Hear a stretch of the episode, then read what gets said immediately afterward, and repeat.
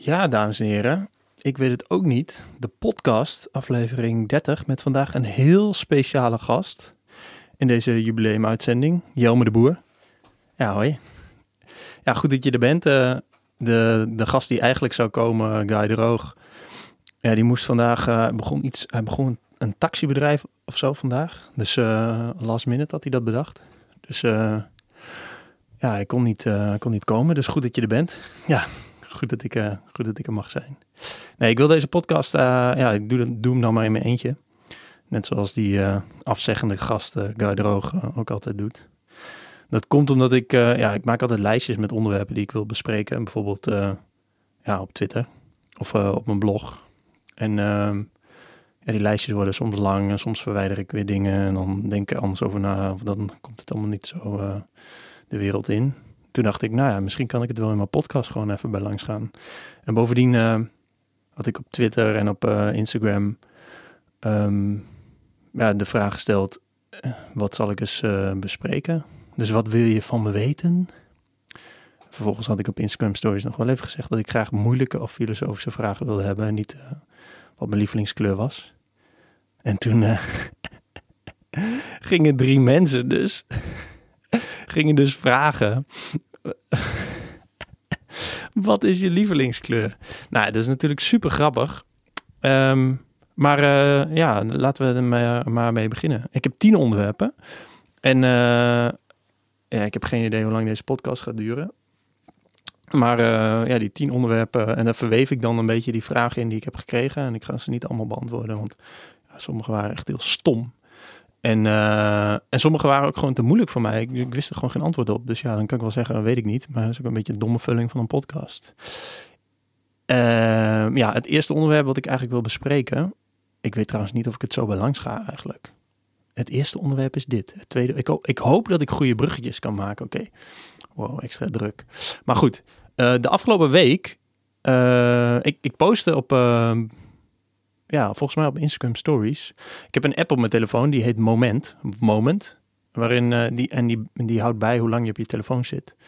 En uh, dan heb ik verder geen doelen of zo. Maar uh, ja, ik vind het. Ik vind lang op mijn telefoon zitten. ja, vaak wel ontspannend. Want memes kijken is leuk. En YouTube filmpjes kijken ook. Alleen wat ik dus heel erg kut vind, is dat ik als ik veel op mijn telefoon zit, het is een soort zelfversterkend proces. Dus ik zit op mijn telefoon en post ik iets en dan leg ik hem weg en dan ga ik weer kijken of uh, mensen op gereageerd hebben of dat ik daar weer op kan reageren, et cetera, et cetera. Dus, maar ik had toen bedacht, als ik gewoon niet mijn telefoon pak s ochtends, dan heb ik dus ook geen, dan, dan forceer ik mezelf ook niet om hem de hele tijd weer te pakken. En uh, ja, dat, dat werkt eigenlijk best wel oké. Dus ik, uh, de afgelopen dagen zat ik echt maar een half uur per dag op mijn telefoon. Dus ja, um, en dat vond ik chill. Daar kwam trouwens nogal bij dat ik, ik ben een nieuwe versie aan het maken van mijn boek Thuisblijven is duurder. Die je trouwens uh, nog steeds met 10 euro korting kunt bestellen met de code podcast op thuisblijvensduurder.com. Maar ik ben een, uh, ik ben een paperback aan het maken. En ik, ik schrijf daar uh, een, ja, eigenlijk een heel een nieuw stuk bij. Dus volgens mij is het een herziene druk. Maar ik weet niet zo goed wat een herziene druk is. Behalve dat het een lekker woord is met zo'n z erin. Herziene druk. Um, dus het, dus het boek wordt 70 pagina's langer, de nieuwe versie. Het wordt een paperback, dus wat handzamer formaat. Die je misschien eventueel mee uh, op reis uh, zou kunnen nemen. Hoewel je natuurlijk wel een idioot bent als je papieren boeken mee gaat zitten nemen op reis. Ik hoop gewoon een e-reader. Uh, maar ja, die komt dus in oktober. En ja, dat is eigenlijk het heugelijke nieuws. Dat is eigenlijk punt 1. Want ja, ik vind het heel erg...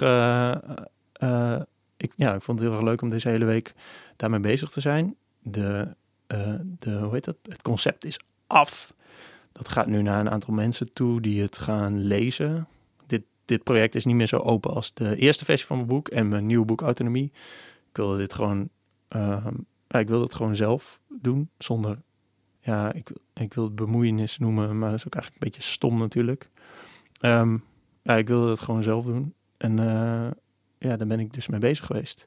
En uh, het belangrijkste, belangrijkste nieuwe onderdeel in het boek, en in mijn vorige boek, uh, de eerste, eerste druk van Thuisblijven Duurder, uh, stond wel een stukje in over dat je punten moet sparen bij frequent flyer programma's. Alleen dat heb ik nu heel erg uitgebreid. Dat komt omdat ik de afgelopen, ah, misschien het afgelopen jaar, daar zelf iets beter in ben geworden. En zodra ik iets heb geleerd, vind ik het tof om het te posten of te publiceren of te laten zien. En dan andere mensen daarmee te inspireren en te motiveren. Nee, maar ik ben er iets beter in geworden. Dus ik dacht, ja, dat moet eigenlijk in mijn boek. In mijn vorige boek stond het niet, omdat ik het nog niet wist. Ehm, en het punt is, oké, toen, ik, toen ik begon met, met heel veel uh, uh, vliegen, ehm, of veel reizen maken, toen zei uh, Valentijn, Valentijn Cuperes, die we nog kennen van podcast nummer 14, als ik het goed heb uit mijn hoofd. Die zei, ja, je moet altijd punten sparen. Doe hem maar gewoon, want ja, op een gegeven moment heb je daar superveel aan. En toen dacht ik, ja, zal wel. En heb ik het serieus nog een, een, paar reizen heb ik zoiets van, had ik, had ik zoiets van, ja, ik, hoef niet per se punten te sparen, want ik heb daar toch niks aan, want het zijn er maar een paar. En ja, ik, zal echt nooit een uh, first class ticket kunnen boeken met mijn punten. Maar goed, toen werd ik dus na uh, hevige zeuren van Valentijn, met, met goede bedoelingen, uh, was ik dus overgehaald. En ben ik punten gaan sparen voor alle reizen die ik deed, ja, voor zover dat kon, zeg maar. Je kunt niet met Ryanair of EasyJet punten sparen. Nou, ze, ze zullen ongetwijfeld een frequent flyer programma hebben, maar je hebt er geen ene kloot aan.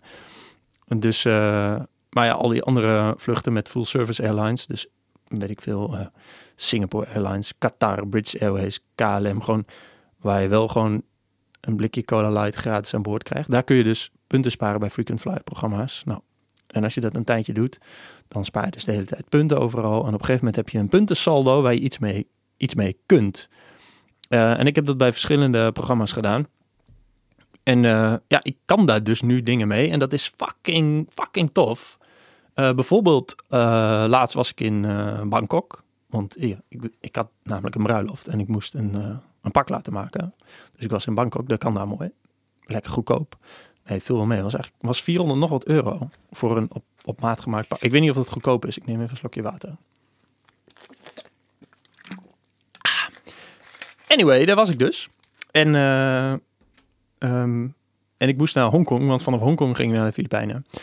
Alleen ik weet dat Emirates, de, de airline uit uh, Dubai, die vliegt van uh, Bangkok naar Hongkong. Die heeft, ja, die heeft een route Dubai, Bangkok, Hongkong en volgens mij ook weer Hongkong, Bangkok, Dubai. En dat gebeurt soms. Um, en wist ik, en dat is niet zo lange vlucht, iets van twee uur. Maar ik had bij Emirates uh, ooit een paar keer mee gevlogen en zoveel punten gespaard dat ik um, een business class ticket kon kopen voor 27.500 Emirates Skywards. Dat zijn een frequent, frequent flyer punten. En 19,59 euro. Dus dan vlieg je business class twee uur lang in die uh, Airbus A380. Dat is een vliegtuig met twee verdiepingen. De hele bovenste verdieping is business en first class. Er zit een bar aan boord achterin. Het is helemaal fucking tof. En ja, dat, die punten had ik gewoon omdat ik gewoon uh, in een ver verleden een aantal vluchten had gehad met Emirates. En uh, ja, automatisch punten spaarde. En nu kon ik opeens dat met twee tientjes bijleggen, kon ik opeens die fucking toffe vlucht vliegen. En ja, dus, en dat is, ja, dat is helemaal fantastisch, want je kunt je gewoon gratis aanmelden voor de frequent fly programma's. En, en dan, ja, je moet even geduld hebben. En ik weet dat allemaal mensen tegenwoordig geen geduld meer hebben. Maar ja, op een gegeven moment um, um, ja, heb je gewoon zoveel punten bij elkaar gespaard. Een ander voorbeeld is, um, ik vloog, was het nou vorig, nou ja, ja, vorig jaar volgens mij. Ja, in business class met, uh, met Qatar Airways. Via Qatar dus, van Amsterdam naar Tokio, retour. En uh, dat ticket had ik gevonden en dat was 640 euro. En dat is echt bizarre goedkoop voor business class. Maar, en dat was volgens mij ook een foutje. Maar goed, dat hadden we geboekt. En met die vlucht, omdat die in business class is en best wel een afstand, spaarde ik 20.000 British Airways avio's. Dat zijn hun frequent fly uh, punten. 20.000 avio's. Um, omdat Qatar en, en, British Airways met elkaar samenwerken. Vervolgens, ik had dus die punten, die 20.000. Ik had business class gevlogen. Ook punten gespaard. En met die 20.000 punten, daarvan had ik er 15.000 nodig om uh, in, in business class van Hongkong naar de Filipijnen te vliegen. En uh, volgens mij ook iets van Oké, okay, pin me er niet op vast. 40 euro bij te betalen. Dat was ook een vlucht van twee uur. Dus je kunt met je ene vlucht een andere vlucht eigenlijk er gratis bij krijgen als je punten spaart. Daarom is dat dus um, zo belangrijk. Ja, en dat, dit, soort, dit soort argumenten gaf dus Valentijn mij ook toen ik begon met, uh, met vliegen. En uh, toen had ik zoiets van, net zoals wat jij nu hebt, nu je luistert, Misschien heb je wel zoiets van, gozer, hou je bek nou een keer over vliegen. Maar uh, ja, I don't care.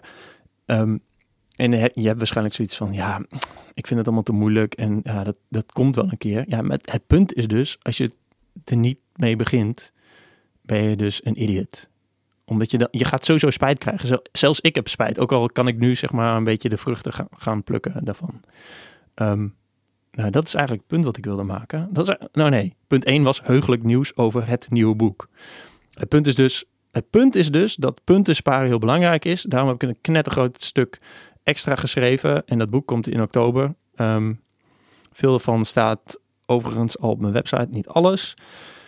Je kunt mijn, uh, het boek nu nog kopen met 10 euro korting met de, met de kortingscode podcast. Um, ja, dat is, uh, dat is, eigenlijk, uh, dat is eigenlijk mijn eerste punt. Um, ja, misschien. Oké, ik wil nog iets vertellen. Ik heb dus gisteren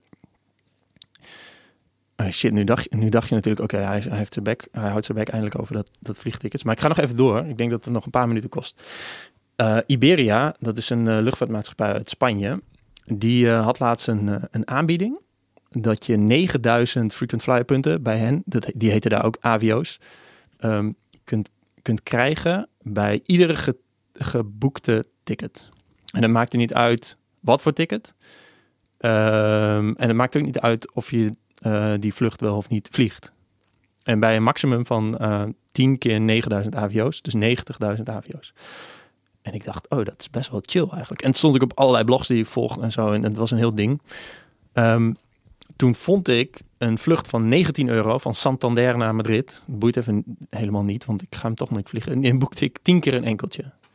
En uh, ik deed het ook namens mijn vriendin Jenny. Dus ik boekte eigenlijk 20 keer een enkeltje van 19 euro. Dus waren beide, beide 190 euro kwijt. Maar daarvoor kregen we dus die 90.000 bonus AVO's. En met die 90.000 punten konden we in business class vliegen van Madrid naar uh, Sao Paulo in Brazilië. En terug van Rio in Brazilië naar Madrid. Um, iets bijbetalen, 80 euro en 25 euro. Dus dat is 105 euro bij elkaar. We hadden 190 euro quote-unquote betaald voor die punten. Dus dat is 295 euro voor een soort van ja, best wel chille business class retour naar Brazilië. Dat is echt, dat is echt top. Um, nou nu gaan we nog ook nog uh, naar Buenos Aires. Die, dat ticket in business class kunnen, kan ik weer kopen met mijn British Airways punten. Anyway, als je interesseert in punten, kun je dus knettergoedkoop in business class vliegen. En het is echt, het is echt zo'n tering groot verschil business class en economy class. Nu zullen natuurlijk ongetwijfeld mensen luisteren die denken... Goh, ik heb knetter veel geld. Ik vlieg altijd business class, je bek te zeiken. Ja, dat, ik heb dat dus niet. Dus ik vind het chill om uh, ja, dit soort... Uh, ja, hier dus achter te komen. Dit is een soort puzzel die ik wil oplossen. En het is echt heel leuk om dit puzzeltje op te lossen. Dus ik heb uh, ja, um, aardig wat dingen op de, op de planning staan. En nu ga ik een bruggetje maken want uh, nu zul je denken, oh Jelmer, je reist echt heel veel. Um, dat klopt. Um, dat vind ik ook tof om andere, en ja, het liefst best wel verre. Ik vind Europa niet zo leuk. Nog niet zo leuk. Misschien als ik een oude dude ben, dat ik het dan wel leuk vind om kerkjes te bekijken. Maar ik vind het niet zo tof. Dus ik wil eigenlijk best wel ver uh, reizen. Maar ik hoef, ik hoef niet per se heel lang weg te zijn. Ik vind het gewoon tof om relatief korte trip, tripjes te maken twee weken, drie weken, vier weken. Ik weet niet of jullie dat ook kort vinden. Anyway. Um, ja, dat, ja, en ik post dat dus heel vaak. Dus, en uh, um, aangezien ik op Instagram vroeg um, ja, of mensen vragen hadden aan mij die ik kon bespreken in mijn podcast.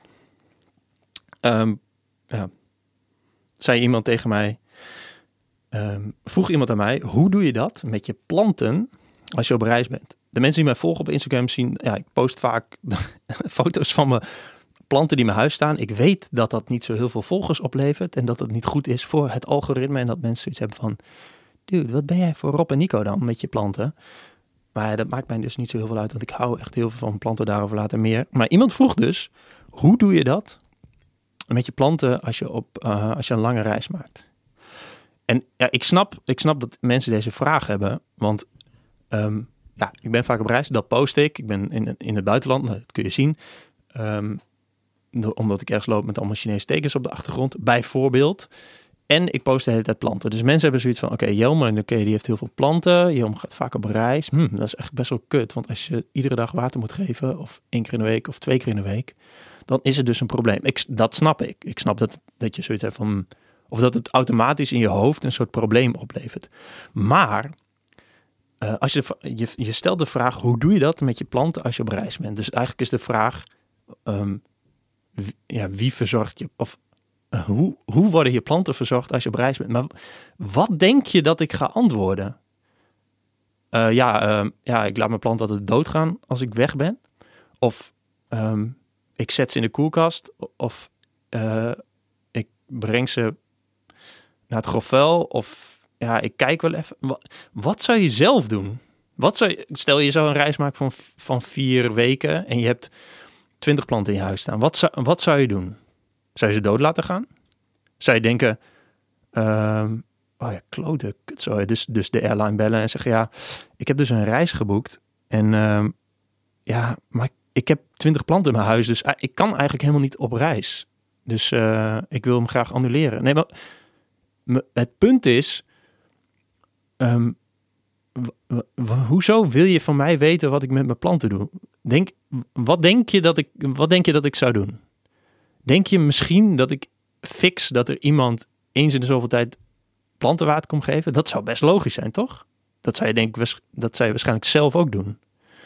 Um, dan komt ja, dan geef je gewoon iemand de sleutel. Dat zijn van die kleine ijzeren dingetjes waarmee je een knettergrote, soort, ja, een soort van hele grote plank is het in je muur. Die kun je dan zeg maar open doen. En dan kun je er doorheen lopen en dan, dan mag iemand je kraan gebruiken en je gieten. En dan, dat, dat is het, ja. Ik vind het echt heel bijzonder dat mensen zo'n vraag stellen. Ik, ik snap dat het in je hoofd um, een vraagteken is. Maar je kunt hem ook heel snel um, beantwoorden. En bovendien, als je het echt niet weet, zo'n vraag hoef je niet aan mij te stellen. Die kun je gewoon aan Google stellen. Toch?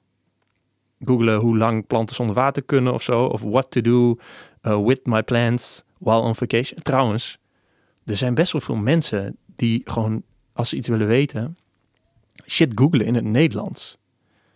Dat is toch raar? Ik bedoel, dus hoeveel Nederlandse websites zijn er? Drie of zo. Dus dan, waarom, waarom google je niet shit in het Engels standaard? Je, je hoeft niet eens goed Engels te kunnen, want ja, dat, zo, werkt, zo werken zoektermen niet. Sowieso wel heel grappig dat, dat je hebt nu, je hebt nu, je hebt SEO, de Search Engine Optimization. Dus dat je websites maakt die zo goed mogelijk gevonden kunnen worden. Maar aangezien mensen hele debiele um, zoektermen invullen, uh, bananenplant, bruine plekken bijvoorbeeld, gaan mensen dus ook websites maken met dit soort titels. Omdat het dan precies is wat mensen zoeken. Waardoor ja, een soort, um, ja, sorry voor de woorden, maar een soort Mongolen-internet bestaat. En ik ga, mensen hier natuurlijk over zeiken. Nou, doe maar. Um, ja, dus, dus um, mijn punt is dus, waar, waar, waarom stel je die vraag? Waarom wil je dit van mij weten? Omdat, ja, ik, of denk je, ja, misschien is dat het wel. Denk je dat ik een soort van ingenieus watergeefsysteem heb gemaakt of bouw of hanteer die ik met een app vanaf een berg in Zuid-Afrika kan bedienen? Nee, dat denk je toch ook niet. Ben, ben echt benieuwd naar. Net zoals in, nu voel ik me echt een soort guy droog. Volgens mij zei hij dat laatst ook in een, eh, in een podcast van, yo, um, waarom wil je dit van, van mij weten? Waarom google je dit niet gewoon? Oh, ja, ik vind het, uh, uh, nogmaals, ik snap dat die vraag er is. Ik snap alleen niet dat je hem stelt. Um, over die planten gesproken. Wauw, dit is echt een mooi bruggetje. Maar het is nog steeds topic 2, planten. Waarom, dat waren dus heel veel vragen. Jelmer, waarom heb je zoveel planten? Ik weet niet waarom ik zoveel planten heb. Ik weet wel waarom ik planten heb.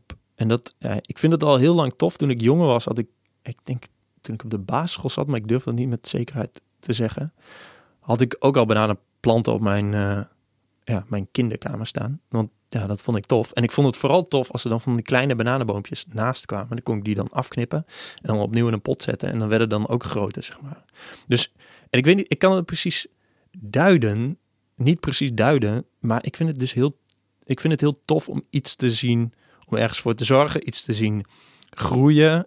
Eigenlijk iets van niets te maken. Echt, deze planten, ja, je pleur er wat water bij en eh, soms wat, wat uh, voedingsstoffen. Dat is trouwens, dat, mensen vragen heel vaak, joh, waarom is jouw bananenplant zo groen? Ja, weet ik veel, water. In, je zet hem in een pot, je gaat er niet de hele tijd uh, langs lopen. Um, je geeft hem water en zo nu en dan van die Pokon of van die eigen merk Pokon van een supermarkt. Ja, that's it eigenlijk. En dan, ja, dan gebeurt het. En uh, als een blad bruin wordt, knip je hem af. En dan is je plant niet meer bruin. Dat is, misschien is dat wel de, het geheim. Maar goed, een plant maakt, en dat staat trouwens ook in mijn boek, hoe, hoe CO2-compensatie werkt. Um, een plant maakt van lucht, zeg maar, zichzelf, van water en lucht. En, dan, en ja, dat is, dat is toch cool. Dus dat je van niks. Ik snapte ook al heel lang. Heel, ik snapte heel lang niet hoe planten, zeg maar. Um, je, je, koopt toch wel eens veldsla en daar zit dan nooit zand aan of zo. Maar dat komt om, volgens mij omdat veldsla gewoon gekweekt wordt op hydrocultuur. Dus zonder potgrond of zo. Maar ik snap, ik dacht, ik dacht altijd dat planten groeiden van grond. Maar ja, die groeien natuurlijk gewoon van water en, uh, en uh, CO2. En die wat voedingsstoffen en zo. Maar ja, die, die hoef je niet per se in de grond te stoppen. Volgens mij werkt het zo. Anyway, ik vind het dus heel tof dat shit groeit en dat je iets uh, verzorgt en dat het dan uh, groter wordt. Bovendien is het ook vet mooi. Ik vind, oh ja, als ik later groot ben, ik ben nu 32, ik ga echt nog een keer ergens een enorme kas neerzetten en daar een jungle in bouwen. En dan gaan mensen vragen, waarom ga je niet gewoon verhuizen naar ergens zo'n jungle groeit? Ja, dat is dus niet cool. Ik wil gewoon in Nederland wonen, want ik vind Nederland chill. En daar een enorme kas in bouwen. En een, uh, ja, misschien ook wel een soort van theehuis. En een soort van boekenwinkel. En dan ja, mogen mensen daar allemaal komen chillen. Want het lijkt me gezellig en leuk. Maar dan moeten ze wel hun bek houden. En kinderen zijn niet welkom. Want die zijn irritant. Behalve mijn nichtjes. I love mijn nichtjes. Maar goed, daarom heb ik dus... Uh, daarom heb ik uh, planten. En het grote verschil dus tussen planten en bloemen. Bloemen koop je en die gaan dood. Dus je, geeft ze een soort van uh, water en voedingsstoffen om een beetje ja, het, het lijdensproces te verzachten. Nee, gewoon om de dood te rekken. Terwijl als je een plant koopt, ja, als het goed is, gaat die, ik wil niet zeggen forever, maar echt wel tering lang mee. En die, die heeft nog een soort van, ja, het is een soort investering. Investeren doe je in dingen die, ja, waarvan je verwacht dat ze meer waard worden. Dus daarom is het een beetje raar om ik vind bloemen ook helemaal niet mooi of zo. Nee, een plant, ja, een plant is veel toffer. Nou, daarom heb ik planten. Wel echt chill dat als mensen dit straks vragen, ooit een keer, dat ik dan zeg, ja, luister gewoon even podcast 30. Um, want ja, dan kan ik, dan, dan weet ze het eigenlijk. En het, ja, het belangrijkste, ja, dit klinkt echt heel suf. Nu gaan mensen, nou, het boeit ook niet zoveel. Als ik dus ochtends wakker word, daarover later meer, is en dan, dan zet ik een kopje koffie en dan ga ik gewoon op mijn bankje zitten en dan ga ik een beetje naar mijn plantjes kijken. Dat is, dat is wat ik doe. Dat vind ik echt heel erg chill. Gewoon lekker een soort van, ja, weet niet, niks. Het is een soort meditatie. Net zoals dat ik um, met mijn plantjes bezig ben, zit verpotten of uh, stukjes afknippen en dan weer nieuwe plantjes maken en zo. Het is een soort meditatief, lekker, lekker alleen bezig zijn. En dat is het bruggetje naar mijn volgende onderwerp. Want ik, ik Um, ik weet niet meer met wie ik was en ook niet meer wanneer, maar het is wel een mooi bruggetje, want we zagen een, uh, een vrouw alleen in een restaurant die een, uh, een pizza aan het eten was. En toen, ik, ik weet niet meer, uh, de discussie was dus of dat nou triest is of chill. En ik vind het dus heel erg chill om alleen te zijn en dus ook alleen naar bijvoorbeeld alleen kleding te kopen te shoppen, voor zover ik dat überhaupt nog doe, of alleen in een restaurant te zitten. En dat is helemaal niets ten nadele van uh, de mensen met wie ik vaak ben of chill. Maar ik vind het dus, ik vind het, uh, ik denk, ik vind dat heel veel mensen het verschil tussen eenzaam en alleen niet echt heel goed snappen. Dus die denken dat als iemand in een eentje zien, dat, dat, dat die persoon dan eenzaam is. Terwijl je kunt knettergoed eenzaam zijn tussen allemaal andere mensen. Want, want ja, alleen is telbaar en eenzaam is voelbaar. Dus um, eenzaam zijn is volgens mij vooral in je doen en laten of in je, in je gedachten althans. Dus ik voel me eigenlijk best wel vaak eenzaam. Um, maar ik, ik weet dus niet of meer mensen dat hebben. Ik denk het wel, maar gewoon in, in mijn gedachten dat ik denk, fuck, ik, ben, ik ben ergens van overtuigd of ik vind iets en ik probeer het. Ja, ik uit vet, veel op Instagram of op Twitter of op mijn blog of ja, mijn podcast, zoals nu. En dan het is een soort struggle voor mij. Dan denk ik, oké, maar ik, ik wil het graag uitleggen van zo, oké, zo zie ik het. En kijk maar even wat jij ermee doet. Alleen, ehm, ja, dat, het komt soms uh, vaak niet over. Dan voel ik me dus heel erg omgrepen en dat vind ik dan fucking kut. En dan, ja, dan voel ik me dus, dus eenzaam. En een van de vragen die mensen mij uh, stelden op Instagram, die, dat was, kun, kun, ik weet niet of kun of kon je ooit jezelf zijn? Uh, dat vond ik wel een interessante vraag, want dat is dus, dat is mijn allergrootste struggle. Dit is heel persoonlijk eigenlijk. Dit is mijn allergrootste struggle in mijn leven, dat ik dus heel vaak niet mezelf kan zijn. En ik weet dus niet of dat te maken heeft met zelfvertrouwen. Of omdat ik um, heel erg anders ben dan de rest. Um, of uh, een combinatie van beide. Of dat ik gewoon een idiot ben. Maar dat is mijn allergrootste, allergrootste struggle. En daarom dus is alleen zijn juist voor mij een oplossing voor eenzaamheid. Want als ik me eenzaam voel in mijn, in mijn gedachten of in mijn doen en laten, dan vind ik het chill om alleen te zijn, om daarover na te denken. Um, en uh, um, ja, eigenlijk tot een inzicht te komen. En meestal helpt het wel. Dan ga ik shit opschrijven en dan komt het op mijn blog. En dan dat helpt eigenlijk een soort van um, mezelf te begrijpen. En, dan komen we dus bij de volgende vraag van iemand die zei: Waarom ben je altijd zo, zo boos als je kritiek krijgt? En ja, ik moet het heel vaak uitleggen. Ik heb, ik heb al sinds ik zeg maar,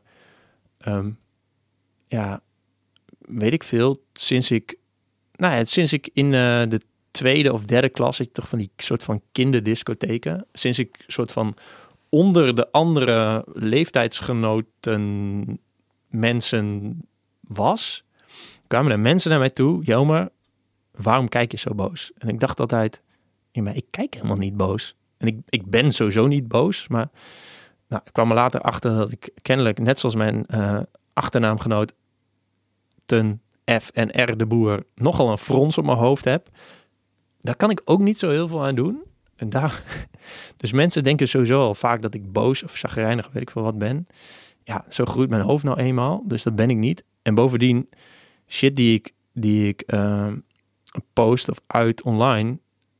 Ja, ik vind echt heel veel dingen boeien me echt geen zak. Maar ik vind het wel interessant dat ze gebeuren. En door een beetje een soort van zetje achter te zetten een zetje achter te geven of iets te overdrijven, dan wil ik, wil ik een punt maken. Maar ik zit met heel veel shit, zit ik helemaal niet. Um, dus, dus de vraag, waarom ben je zo boos als je kritiek krijgt? Nou, het heeft met twee dingen te maken. Volgens mij heb ik het in de podcast met, met in Guys, een laatste podcast, met hem over gehad. Um, dat, nou, of misschien was het gewoon voiceberichten naar elkaar. Want naast die lange podcast van 3,5 uur sturen we nog elkaar de hele tijd voiceberichten. Maar heel vaak is het zo dat als je iets vindt en iemand reageert daarop uh, met, met kritiek. Voor mij is het heel vaak zo, denk ik van ja, maar gozer, en dit kan een man of een vrouw zijn, maar ik vind gozer een chille um, um, manier van toetwaaieren. Gozer, jij, jij snapt al niet wat ik zeg, dus dan, ja, dan heb ik het, dan, ik kan dus niet met jou in discussie gaan. Dat, dat is dus wat er heel vaak gebeurt.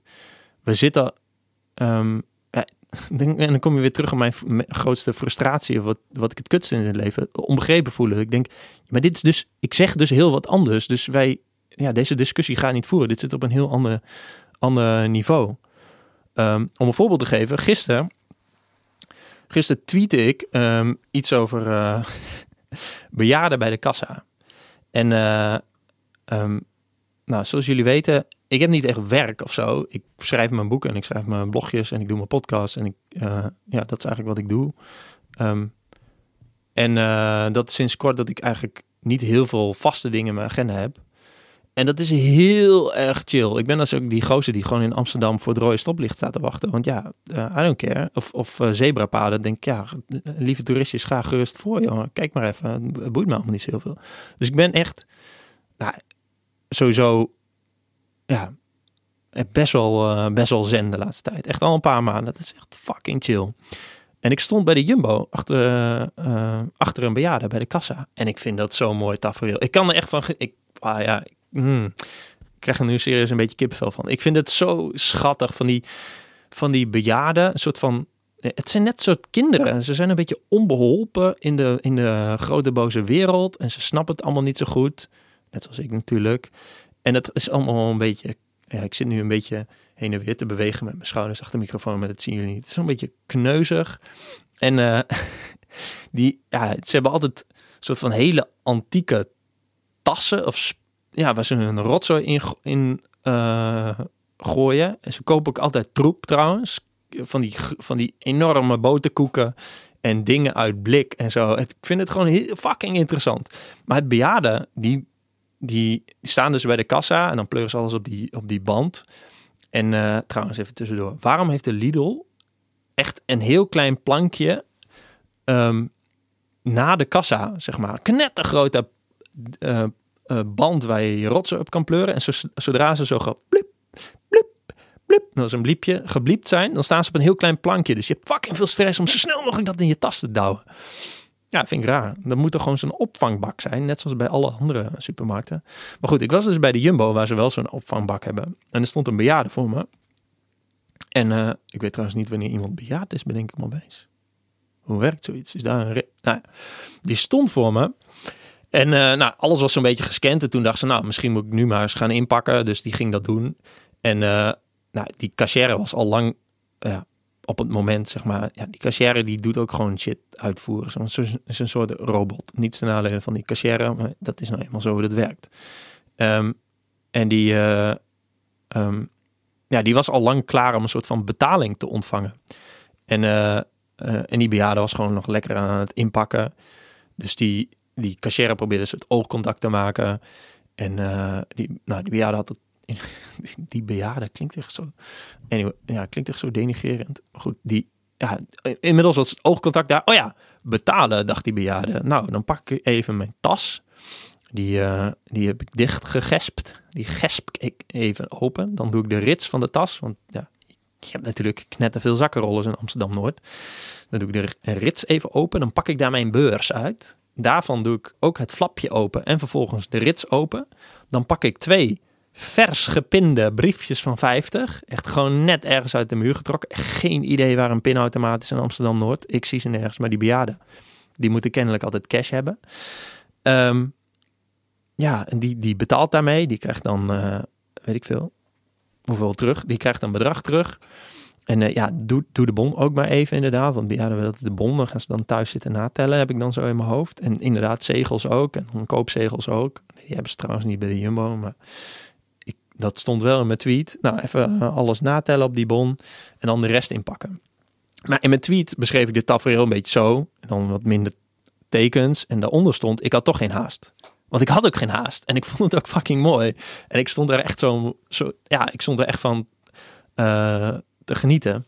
En uh, alleen die tweet, het punt van die tweet was, is dat ik, um, ja, ik zei dus, ik had toch geen haast. En ik snap dat het sarcastisch kan worden opgevat. Ik snap dat mensen zoiets hebben van, ja, Jelmer die had natuurlijk knetterveel haast, zat zich helemaal dood. Dat, dat begrijp ik. Alleen die tweet werd een paar keer geretweet en een paar keer geliked. En dan gaan mensen die zeg maar je niet volgen, die krijgen hem ook te zien. Nou, en ik kreeg me toch een partij gezeik over me heen van bejaarden dat ik dat ik zo, ik, nou, dit, zijn, dit is een aantal dingen wat ik, wat ik door heb gekregen. Ik moest sowieso moet ik respect hebben voor bejaarden. Um, ik moet um, ook respect hebben voor gehandicapten, want die werden er ook nog even bij getrokken. Ik moest dankbaar zijn als ik ooit bejaard mocht worden in dit land. Als het me niet beviel, moest ik maar naar een, uh, snel kassa of online mijn uh, boodschappen doen. En ik moest, ik was een soort van, uh, um, wat ik ook nog veroorzaakte, is dat de moeder van iemand die reageerde ooit zo erg gestrest was door opdringerige mensen achter zich bij de kassa, dat ze twee keer uh, de verkeerde pincode had ingetoetst, waardoor haar pas geblokkeerd was en ze nu dus nooit meer kon pinnen. Daar was ik ook verantwoordelijk voor. Even los daarvan, er waren natuurlijk ook nog mensen die uh, de tweet wel begrepen en uh, het hadden over mindfulness en weet ik veel wat. En wat ik altijd zo mooi vind, is dat deze mensen volgen mij niet, maar die, soms bereik ik ze dus met zo'n tweet. Die dan zeggen, hahaha, ha, ha, ik heb echt gelachen. Bedankt voor deze tweet. Nou, dat vind ik, zo, dat vind ik echt heel schattig. Dat vind ik net zo schattig als die bejaarden waar ik achter stond. Um, maar dat dus, ja, het, punt wat ik uh, eigenlijk wil maken, is dat ik, ik tweet, ik hoopte dat ik iets leuks tweette en dan vervolgens gaan er knetterveel mensen echt hem op ja, volgens mij zegt dat gewoon vooral iets over die mensen. Die denken dan, oh ja, hij zal het wel zo bedoelen. En uh, wat ben jij voor vieze gore teringleier. Krijg lekker de tyfus. Dus ja, um, nee, ik ben, eigenlijk, ik ben eigenlijk best wel zen. En uh, um, ja, en dat, dat vind ik dus heel erg chill. En ik, ik denk dat mijn zenheid, los van het feit dat ik gewoon nu altijd shit doe die ik heel die zo graag wil, dus redelijk autonoom ben boekplug, volgende boek Autonomie. Um, maar het, komt echt, mijn allereerste podcast, en die is nog steeds het best beluisterd, is met, met Paul Bosma. En die ging over slaap. En eigenlijk sinds die podcast, iets langer dan een jaar geleden, heb ik uh, besloten dat slaap mijn prioriteit is. En um, ik heb het al heel vaak um, getweet en gepost, maar uh, er zijn ongetwijfeld mensen die deze podcast voor het eerst luisteren. Uh, prioriteiten. Prioriteit is enkelvoud. Nou, je kunt wel zeggen, ik heb meerdere prioriteiten, moet jij weten. Maar ik vind het mooi om prioriteit dus als enkelvoud te beschouwen. En volgens de etymologie, een soort van taalkundig, weet ik veel, begrip, is het, is het dus enkelvoud. Nogmaals, je moet zelf weten als je meerdere prioriteiten hebt. Maar um, het mooie aan slaap je prioriteit geven, is dus ook dat als je laat bent geslapen door wat voor reden dan ook, en je zou die ochtend die ochtend erop lekker gaan gymmen, dat je dat dan lekker niet doet. Want slaap is je prioriteit. Dat is het allerbelangrijkste. Dat, is, dat geeft fucking veel zenheid. Um, dus ja, de, een van de vragen was, waar kom je je bed voor uit? Ja, ik heb, uh, ik heb wel allemaal dingen waar ik mijn bed voor uitkom. Maar ik kom dus, ja, mijn bed pas uit. In ieder geval, dat is niet het antwoord op de vraag. Maar ik kom mijn bed pas uit als ik het ja, het moment daar vind om mijn bed uit te komen. Ik heb dus ook geen wekker. Um, en, en waar kom ik mijn bed voor uit? Nou, ik wil dus een beetje. Um, ik wil dus, ik wil graag problemen oplossen die ik tof vind om op te lossen. En ik heb het niet zelf bedacht. Nou ja, ja ik heb dus, nee, ik heb niet zelf bedacht. Ik wil het wel, maar ik heb het uit het boek van uh, Mark Manson, The Subtle Art of Not Giving a Fuck.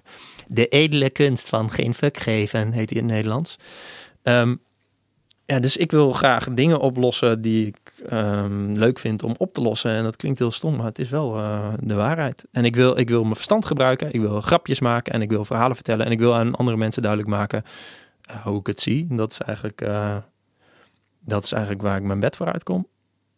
Dus ja, en, en nog even iets over die, over die wekker. Ik heb dus um, op mijn computer, staat toch altijd zo'n klokje in beeld. Die heb ik uitgezet. Ik heb geen wekker, ik heb geen klok in huis. Uh, meeste van de tijd. Ja, I don't care hoe laat het is. Dat is echt fucking chill. Dus, en, en ook een van de vragen was op Instagram: wat is tijd? Ja, weet ik veel. Geen idee. Een menselijk construct. Het is echt chill als je tijd een beetje vergeet. Of als je dat niet zo belangrijk maakt in je leven. En volgens mij heb ik nog steeds een sociaal leven. Het lijkt nu echt alsof ik zeg maar een soort van Remy alleen op de wereld ben. Ben ik helemaal niet.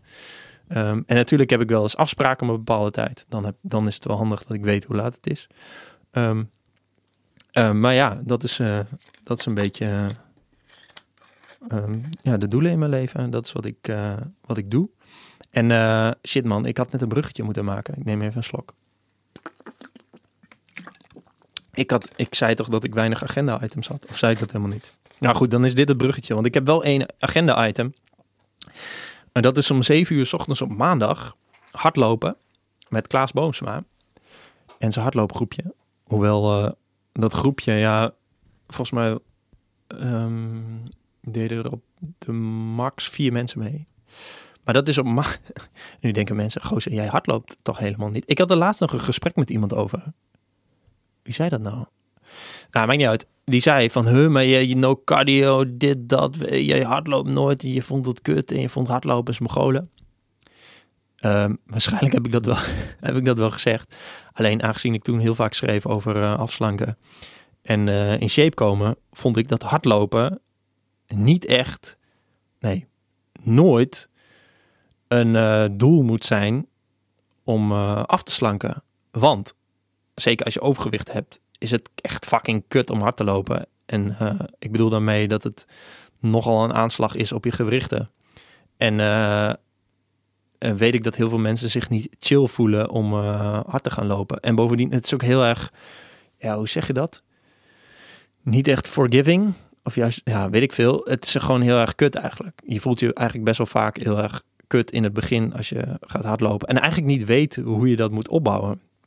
En het mooie is dus van, uh, van mijn maandagochtend hardlooprondje, is dat ik doe dat, natuurlijk doe ik dat niet om af te slanken. Ik doe dat omdat het is nu zomer.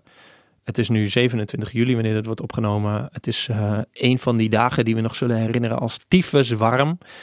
Volgens mij is het nu 34 graden buiten.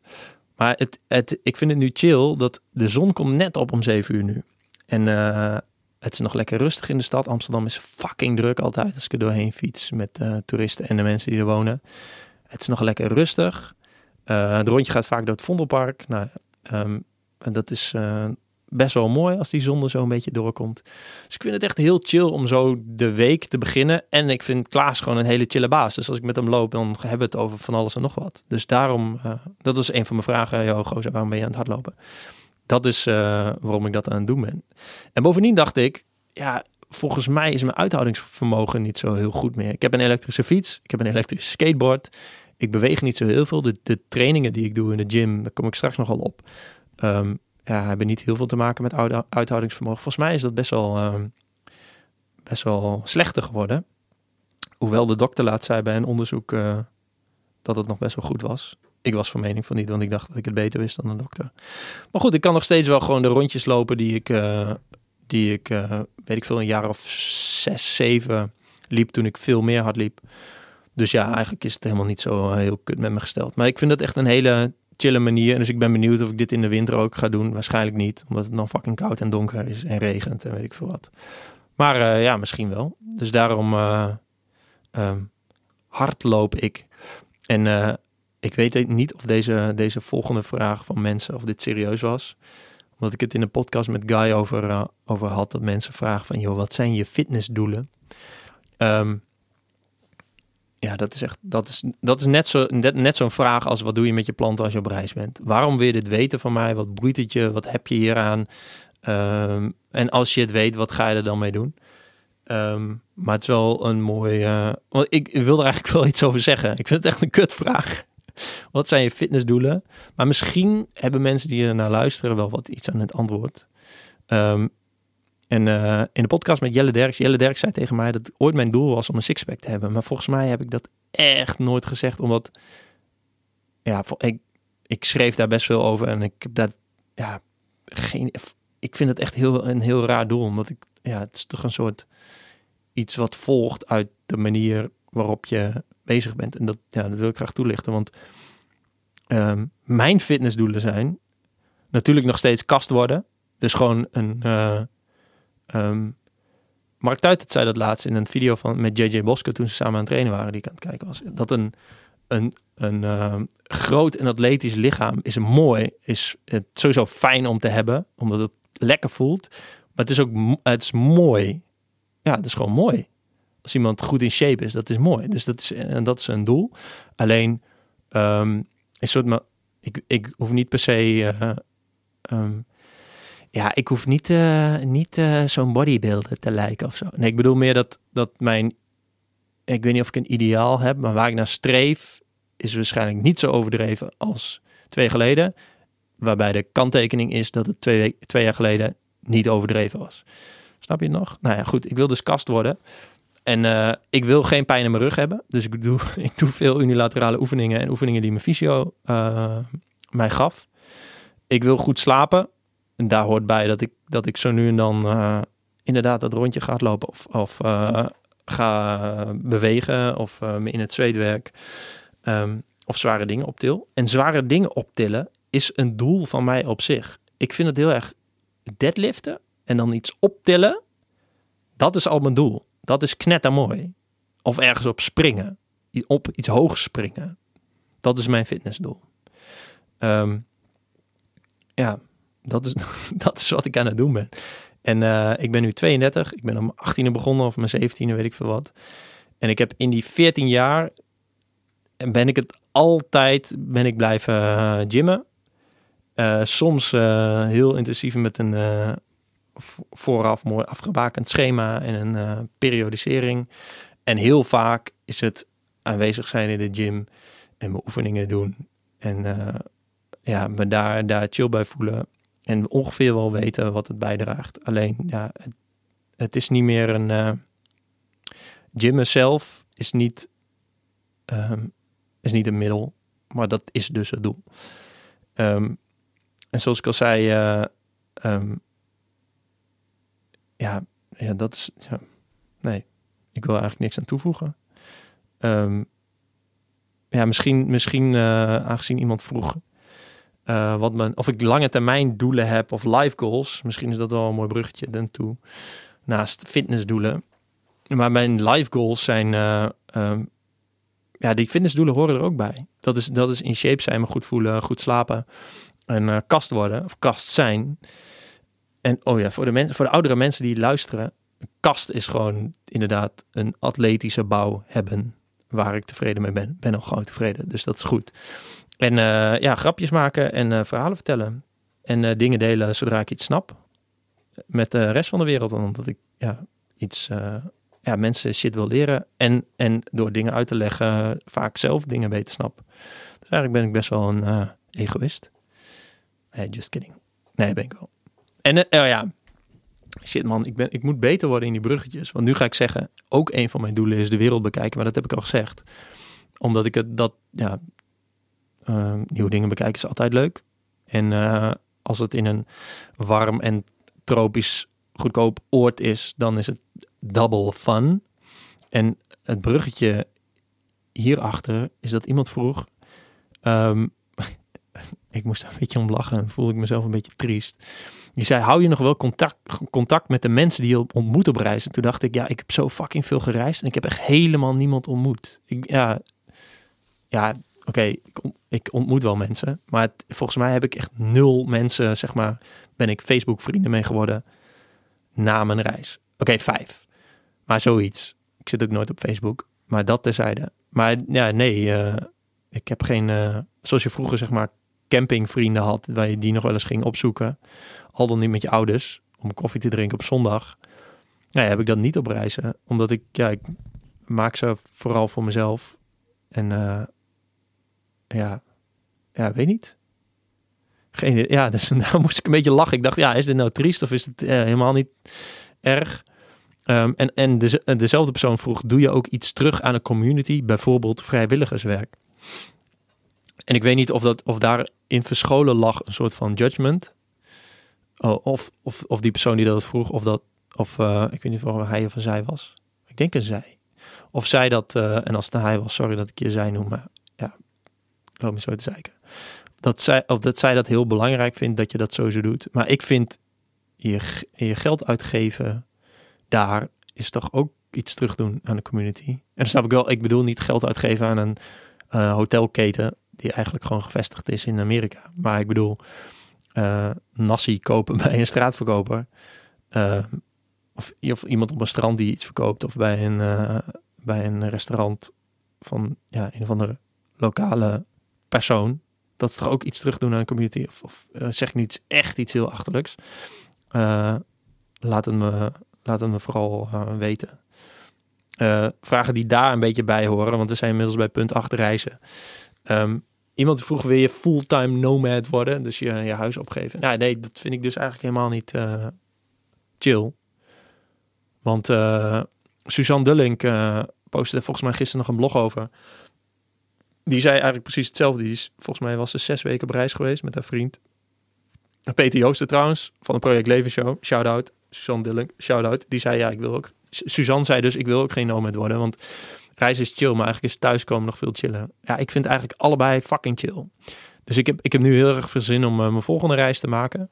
En ik weet zeker dat ik als ik op reis ben, dat ik denk, ah het, is, het is wel weer lekker om straks weer even thuis te zijn. Um, dus nee, ja, ik hoef niet uh, per se fulltime nomad te worden. Want ik vind Nederland ook echt heel fijn. Um, En een vraag die, die, die daar ook weer bij hoort, was iemand die zei: ehm, Zou je graag, en ik volgens mij, ik heb het genoteerd als off the grid, maar dat, was, dat stond niet in de vraag. Maar zou je ergens willen wonen met, of eigenlijk zonder ehm, contact met anderen via social media? Of sowieso contact met, oh ja, dat weet ik dus niet meer. Shit. Maar goed, ik kan er wel iets over zeggen. Het is een soort van idyllisch iets, hè, dat je de natuur ingaat, een blokhut bouwt en daar een beetje plantjes verbouwt en zo. En uh, een beetje rondjes vaart met je kano op een meer en uh, vissen vangt en een vuur bouwt.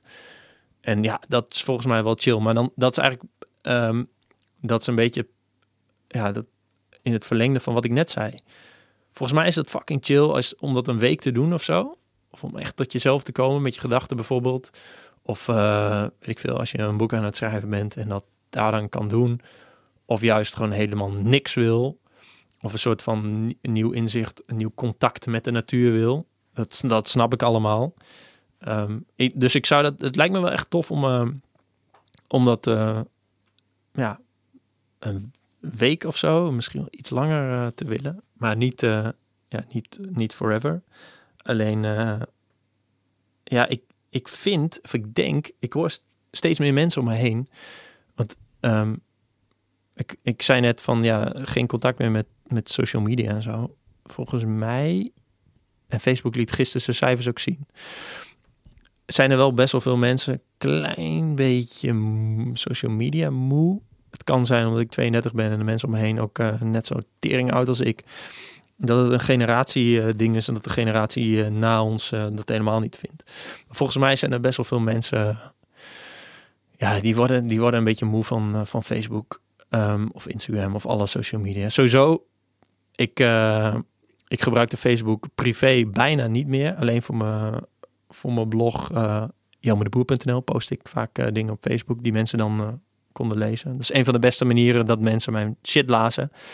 En Facebook, ja, die gaf mij daar heel veel aandacht voor terug. Ik bedoel meer dat dat zodra ik iets post, zagen heel veel mensen dat. En mensen vonden dat leuk en gingen dat delen, gingen reageren en dus mijn website bezoeken. Dus dat, was, dat vond ik tof.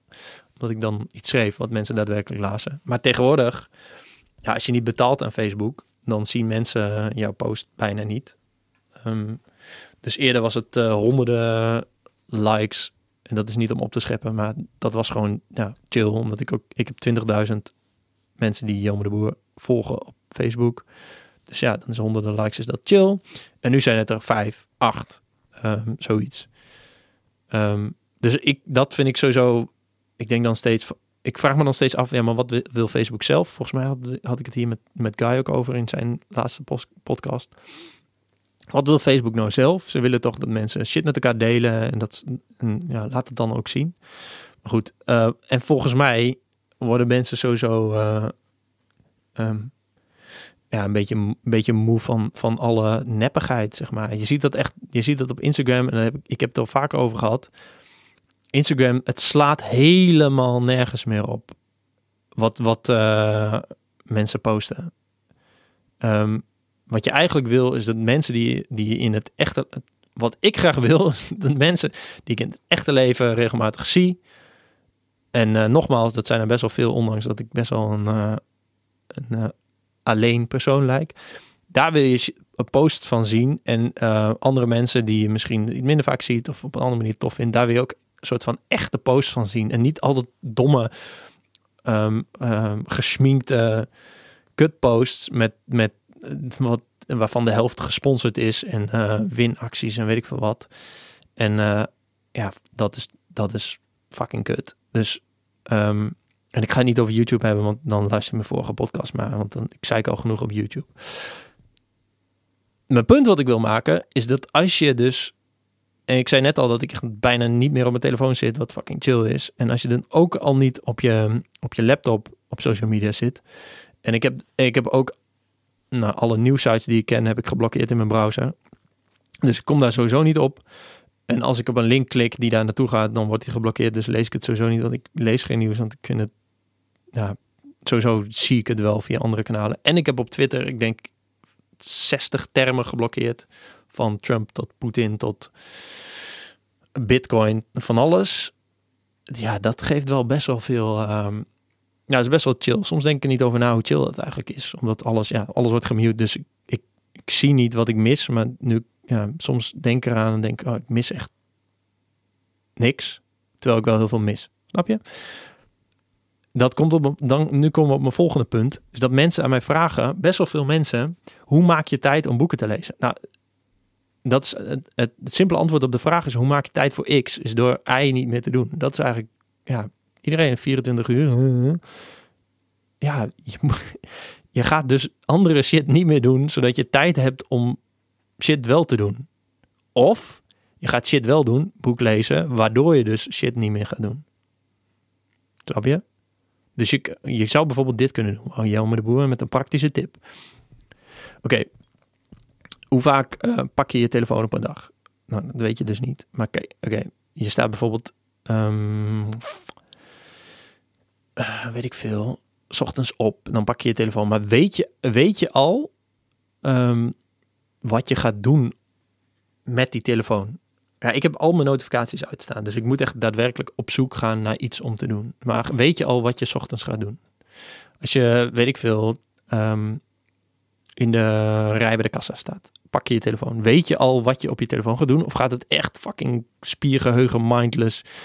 Ga je ergens gewoon een beetje belangs en ga je shit scrollen en weet ik veel wat? Hoe, hoe werkt zoiets? Nou ja, als je, daar, als je daar de hele tijd mee bezig gaat, dus op momenten dat je dat je, je telefoon pakt, en je vragen, maar dude, wat de fuck ga je nou doen? En als je een chick bent, mag je ook dude tegen jezelf zeggen, want dat is net zoals gozer, is dat gewoon mooi. Um, als je dat gaat doen, echt fucking lang, dan moet je echt weken achter elkaar. Nee, je moet niks. Ik heb dat weken achter elkaar gedaan. En op een gegeven moment kwam ik achter, oh ja, ik hoef niet de hele tijd mijn telefoon te pakken. En dan, nou, dan maak je dus al stiekem steeds overal heb je een klein beetje tijd over.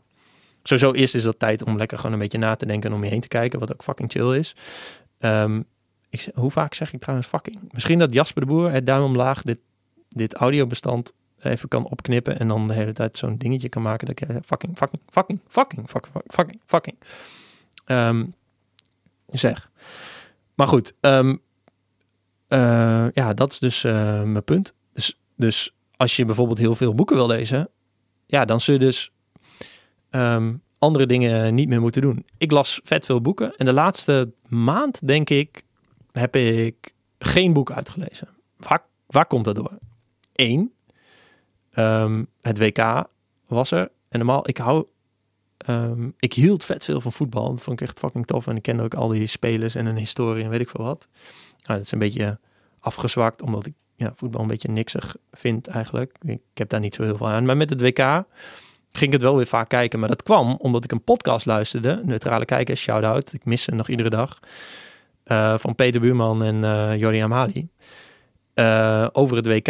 En daardoor werd ik, ging ik dus heel vaak wedstrijden kijken. En ja, een wedstrijd duurt twee keer 45 minuten met, met rust. En eventueel soms nog verlenging en penalties. Dus ja, dat neemt best wel veel tijd in beslag eigenlijk op een dag.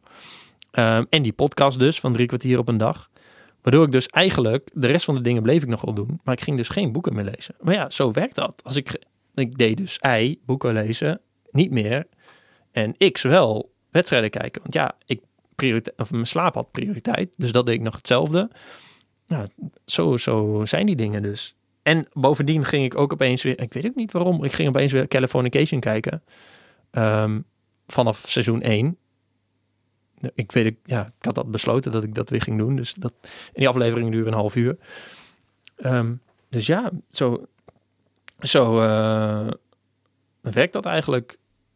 dus de, het antwoord op het vraag is, uh, hoe maak je tijd om boeken te lezen? Ja, er zijn dus twee dingen. Je gaat een boek lezen waardoor je dus andere dingen niet kunt doen. Of je gaat andere dingen niet doen waardoor je een boek gaat lezen. Um, het is heel simpel. Eigenlijk over boeken gesproken. Ik ben nu aantal boeken tegelijk aan het lezen. Zoals ik dat altijd doe, omdat ik dat chill vind. Omdat ik dan eentje...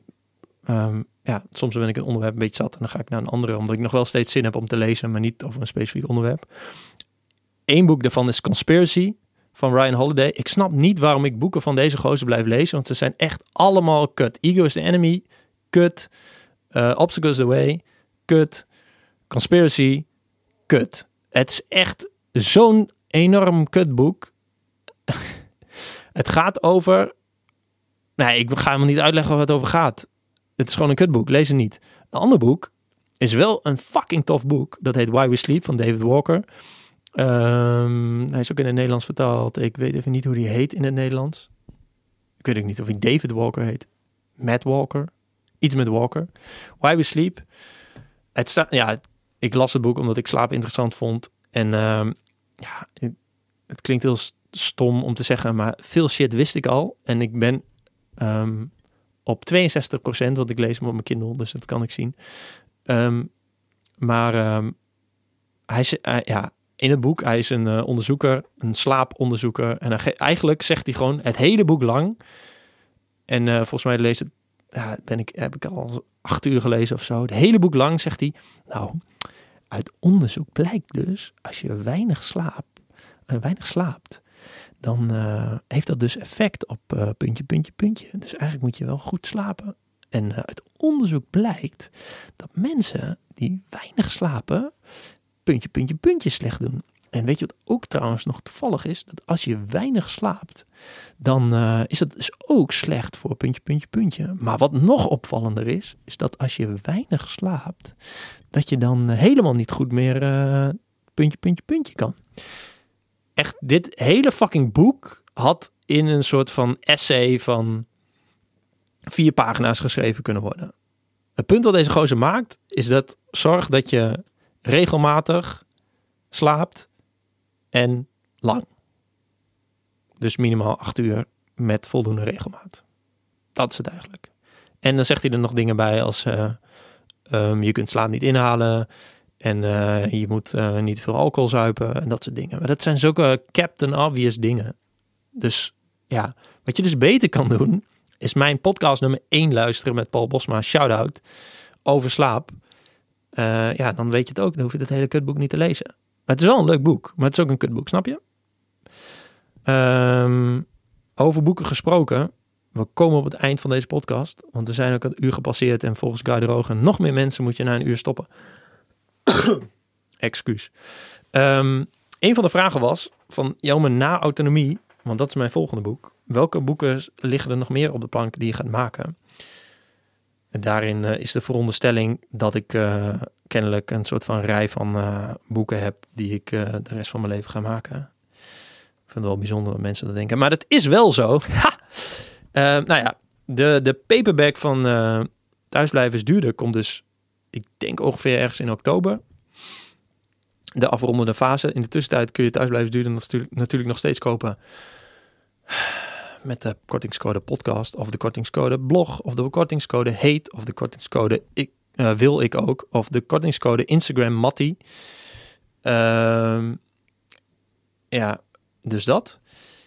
Um, en uh, autonomie komt volgend jaar. Ik ga daar um, weer meer tijd in steken, omdat ik tussendoor de nieuwe versie van Thuisblijvers duurde wilde en moest maken, omdat ja, hij is bijna uitverkocht. Dus ja, er moest iets nieuws komen, want mensen kopen nog steeds en dat vind ik heel erg tof en leuk en ik word daar heel erg blij van. En ik, dat is echt, ja, ik vind het echt, ik ben heel erg dankbaar. Um, autonomie komt dus volgend jaar ergens, maar in de tussentijd ben ik stiekem ook al een kookboek aan het maken. Ja, dat is het eigenlijk. Um, en ik ga daar heel geheimzinnig over doen, want dat werkt kennelijk heel erg. Nee, het is nog in een beginnende fase. Alleen het kookboek komt er wel. Dat komt omdat ik ja, eigenlijk al sinds ik 12 ben of zo. Maar ja, shit man, ik moet geen 12 meer zeggen. Omdat mensen vinden dat ik 12 raar uitspreek. 12. Sinds ik 13 ben of zo, ehm, maak ik shit. Dus in mijn hoofd zitten heel veel recepten. En ik dacht, uh, ja, het is misschien wel tof om, uh, om dat uh, uit te schrijven en te publiceren. Mijn moeder had vroeger iets dat heette een zelfreizend kookboek. Ik weet niet of jullie dat kennen. Volgens mij was dat gewoon een, ja, het is een boek. Dus met zo'n harde kaft waarin je recepten kon schrijven of plakken uit een tijdschrift. Uh, ja, ik heb dat ook, maar ja, voor, vooral in mijn hoofd. En uh, ja, en aangezien ik toch wel wat ouder word, heb ik wel zoiets van, uh, ja, misschien ga ik wel shit vergeten. En uh, hoef ik voor de, ik wil dat niet voor de wereld maken, voor, maar voor mezelf. Maar het is ook wel weer leuk, aangezien de hele tijd iedereen vraagt: heb je misschien een recept voor me? En dan zeg ik: ja, maar ik heb deze ramen gewoon bij een toko gekocht in een pakje. Um, nee, maar heel veel mensen vragen om een recept. En ik denk dat, uh, ja, ik denk dat het ook voor de rest van de wereld wel leuk is. Dus ik, ben een, ja, ik ben eigenlijk twee kookboeken aan het maken. Maar daarover later meer. En ik ben met nog een boek bezig. En, maar dat is echt in een prille fase. Maar ik wil het wel even zeggen, zodat jullie erop kunnen reageren of jullie het tof vinden of niet. Ehm, maar dit is eigenlijk, het is ook weer een boek eigenlijk voor mezelf. En daarna voor de wereld. En ik weet nog niet hoe het boek gaat heten. Ik denk dat het boek Oh ja gaat heten. Of het zelfreizend handboek. Want ik zei net, het zelfreizend kookboek. Ik vind dat een, leuk een leuke naam. Het zelfreizend handboek vind ik ook leuk.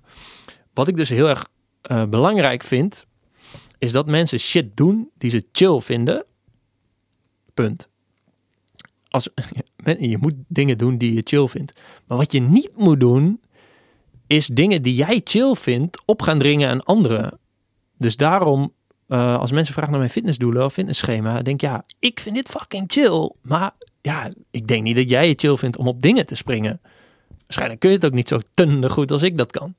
Dus um, ik vind het dus heel belangrijk dat mensen shit doen die ze leuk vinden. Um, en, uh, en ik heb een uh, hele zooi notities in mijn Evernote. Dat is een computerprogramma waar je notities kunt maken. En die heet, uh, dat, dat notebook heet Notes to Self. En dat, dat, volgens mij zijn er wel boeken met dat soort titels en volgens mij ook wel blogs en zo. Dat zijn gewoon net zoals Marcus Aurelius 2000 jaar geleden deed. Shit die je opschrijft gewoon voor jezelf. Van oké, ik vind dit heel erg belangrijk. En er hoeft geen argument bij, want het is ja, gewoon aan jezelf. Um, en uh, ja, dit is een soort van regel voor mezelf um, om uh, mee te leven. Dus uh, inderdaad, maak van slaap je prioriteit. Dat is voor, ik, voor mij, ik vind dat heel erg chill. Maar dat hoeft voor jou um, niet zo te zijn. Of neem als je een explosieve training wil doen, cafeïne kauwgom. Weet je wel, dat soort, dat soort dingen. Van First, trouwens, shout-out. Ik ging laatst, ik, vind, ik vond het zo'n dom product, cafeïne kauwgom van First. First Energy Gum. Toen dacht ik, ja, wat is dit nou weer voor stom iets? Eerlijk. Maar toen ging ik het nemen. Nou, ik ging echt als een speer. Want volgens mij zit er evenveel cafeïne in als uh, uh, twee koppen koffie. Alleen het wordt sneller opgenomen omdat je erop koud en dus via je mond.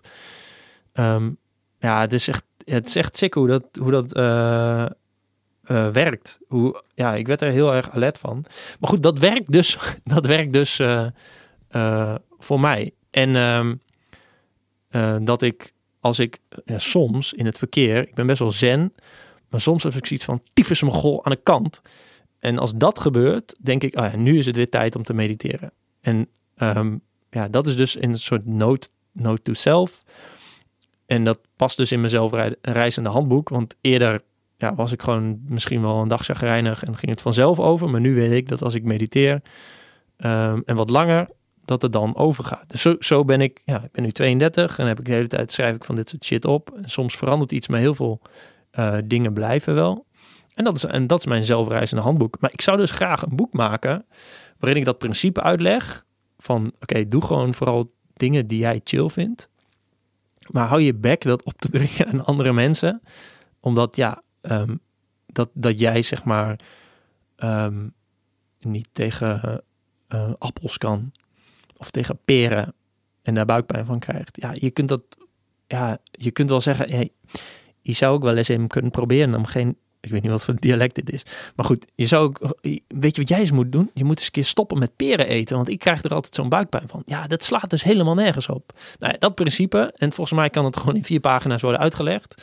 Dat zeg maar, dat een anekdote wat voor jou geldt, dat het helemaal prima is om er dan mee door te gaan. Um, maar dat het dus helemaal niet geldt als advies voor andere mensen. Nou, dat vind ik. Het komt ook wel, dat staat bijvoorbeeld ook in mijn vorige boek mijn eerste boek, Etaat krijgt sixpack. Dat is echt heel erg belangrijk, ook op het gebied van afslanken. Um, ja, doe gewoon shit die, die, maar die echt heel chill vindt. Hè? Waarvan je echt um, na, na lang proberen of ervaren zoiets hebt van... wow, dit is echt nice. En hoe je erachter gaat komen, is ja, tijd nemen om na te denken. Dus dat is, dat is, dat is dus uh, je even afsluiten voor andere dingen. En dan uh, erachter komen um, ja, wat goed werkt voor jou. En uh, als je goed hebt opgelost, opge, als je goed hebt opgelet, dan uh, hoor je dat dit een advies is. Dus dan zeg je, Jelmer, gozer, dit werkt voor jou, maar niet voor mij. Nou ja, hier wil ik het dus bij besluiten, mee besluiten. Bedankt dat je aanwezig was, Jelmer de Boer. Ja, geen dank. De volgende keer misschien wel weer een gast.